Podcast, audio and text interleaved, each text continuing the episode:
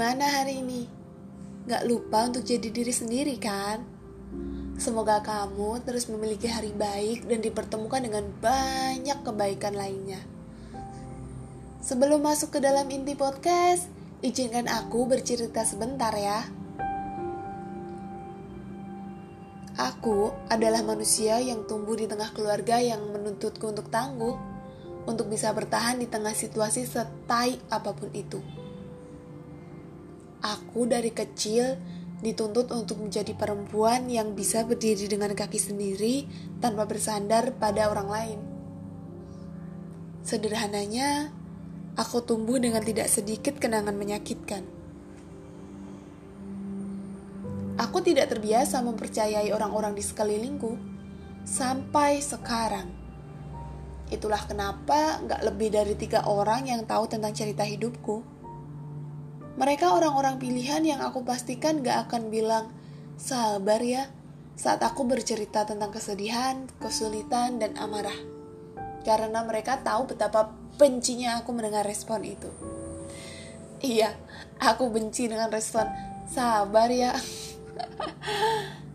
Basi sekali, karena menurut aku pribadi, hampir semua orang menjalani hari-harinya dengan bersabar bersabar atas keadaan yang sedang mereka alami, bersabar atas hari buruk yang saat itu mereka jalani. Karena kalau semua orang nggak tahu definisi sabar dan nggak tahu bagaimana caranya sabar, sepertinya dunia akan lebih kacau. Jadi biasanya kalau ada kawan yang tiba-tiba tahu tentang apa yang aku alami dan bilang sabar ya respon pertamaku adalah sabar matamu. iya. Aku bilang seperti itu kepada mereka yang biasanya datang dan seperti sedang memverifikasi apakah benar aku mengalami hal-hal itu. Kayak misal, eh, aku dengar kamu bla bla bla bla bla bla ya. Sabar ya. dan aku bilang, sabar matamu Aku juga sabar tiap hari. Tapi tidak kepada semua orang aku mengatakannya, hanya kepada orang-orang yang aku rasa sudah cukup mengenal aku dan karakterku.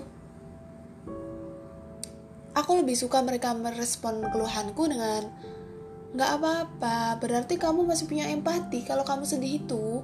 Hidup kan emang senyebelin ini nih. Maki-maki aja lah semua. Udah, sana, keluarin semua yang ada di kandang kamu tuh kalau mau marah keluarin aja tapi jangan sampai ngerugiin orang lain.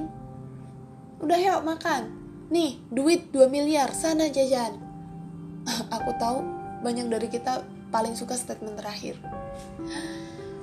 Tapi sayangnya sampai saat ini banyak orang mencampur adukan sabar dan pasrah. Padahal keduanya berbeda.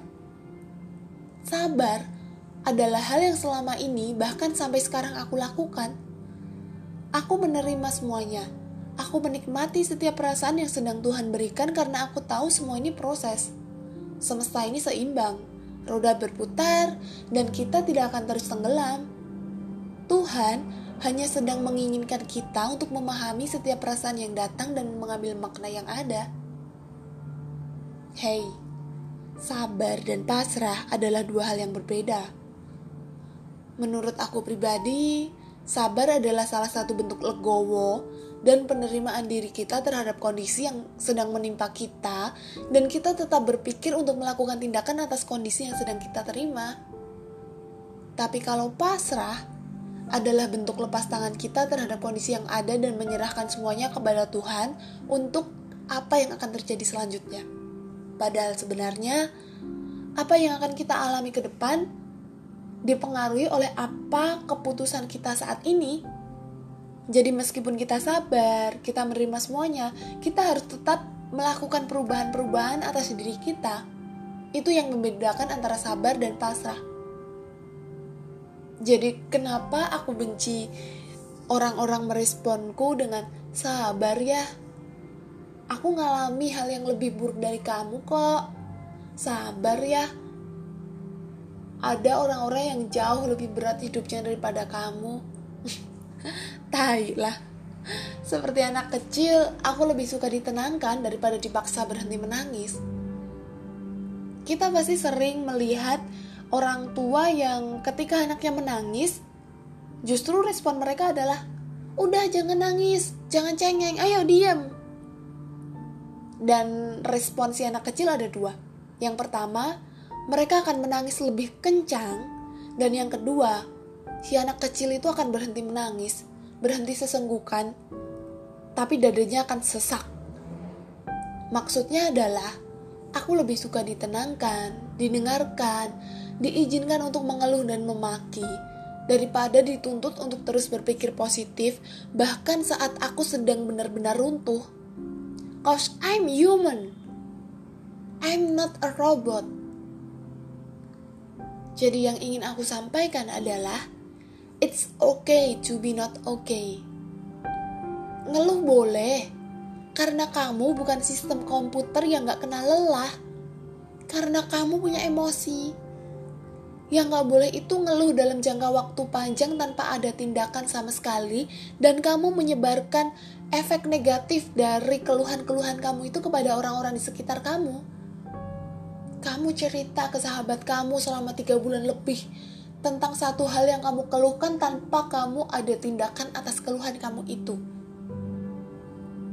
Aku pribadi ketika sedang mengalami satu hal buruk, bisa sampai tiga hari terus-menerus menceritakan hal itu kepada sahabatku. Tapi kalau sudah sampai dua hari, tiga hari, aku akan mengatakan kepada mereka, let me know ya kalau emang aku udah jadi toxic. Dan mereka pasti memahami dan mereka pasti bilang, kamu kalau cerita hal-hal negatif pasti kamu juga menyeimbangi dengan makna-makna di balik senyebelinnya hari kamu itu. Jadi itu gunanya kenapa kita harus benar-benar memilih mana orang yang tepat untuk kita jadikan pendengar yang baik dan sahabat yang ada buat kita. Sahabatku adalah orang-orang yang bisa menerima bahwa perasaan marah, sedih, kehilangan, putus asa, ingin menyerah itu tuh ada. Karena dengan begitu, mereka bisa menjadi support system yang tepat yang tidak memaksakan aku terus mendaki padahal kakiku sedang cedera. Yang tidak memaksakan aku untuk terus-menerus 24 jam tanpa henti berpikir positif. Mereka bisa menjadi support system yang tepat karena mereka memahami bahwa segala perasaan negatif yang datang itu untuk diterima. Bukan untuk disimpan di dalam laci dan dibiarkan begitu saja.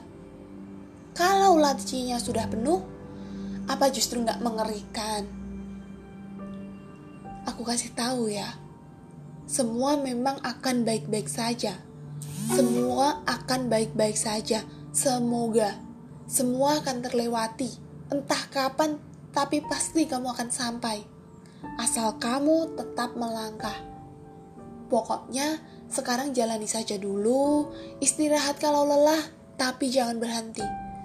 Kalau sudah buntu, lekas cepat-cepat cari jalan lain Rangkul mereka yang langkahnya beriringan denganmu, dan jangan lupakan mereka yang berdiri tepat di belakang kamu untuk memastikan bahwa kamu berjalan di jalan yang baik. Meskipun sekarang kamu gak baik-baik saja, gak apa-apa, karena semua akan baik-baik saja. Entah nanti sore, esok, atau kapan pun itu. Kamu tidak akan terjebak di dalam satu kesedihan terus-menerus kalau kamu mau menerima emosi-emosi di dalam diri kamu aku sendiri lebih suka jenis manusia yang mengatakan nangis saja keluarin semua air matamu biar keringnya ngalahin gurun pasir daripada manusia yang mengatakan udah jangan nangis jangan cengeng padahal manusia yang menangis karena hal-hal kecil adalah manusia perasa yang hatinya penuh kelembutan dan manusia yang jarang terlihat menangis adalah manusia yang sedang berusaha untuk tangguh menjalani hari-harinya. Dua tipikal manusia ini tidak ada yang lebih tangguh, tidak ada yang lebih lemah. Karena porsi ketangguhan itu bergantung pada diri kita masing-masing, dipengaruhi oleh banyak faktor kehidupan. Pengalaman, kejadian, pembelajaran, perspektif, cara berpikir, pengelolaan emosi, kontrol emosi, banyak hal jadi hanya karena kita sering melihat orang itu sering menangis, bukan berarti dia lemah. Kalau kita melihat satu manusia itu jarang bahkan hampir nggak pernah terlihat menangis di depan umum, jangan menganggap bahwa dia dia nggak punya empati, dia dia tangguh karena kita nggak pernah tahu apa yang sebenar-benarnya dialami orang itu. Kalau ada yang sedih, tolong ditemani, dengarkan, dan biarkan dia mengeluarkan seluruh sedihnya sampai lelah, sampai mengantuk, dan tidur dengan perasaan lega. Jangan terus-menerus memintanya untuk tangguh, untuk tidak menangis, untuk tidak bersedih. Jangan paksa mereka memakai sepatu dengan ukuranmu. Kita manusia, kita punya rasa. Masih sering sih kita temui orang-orang yang merespon cerita sedih kita dengan ya elah gitu aja sih mending. Lah aku lebih berat.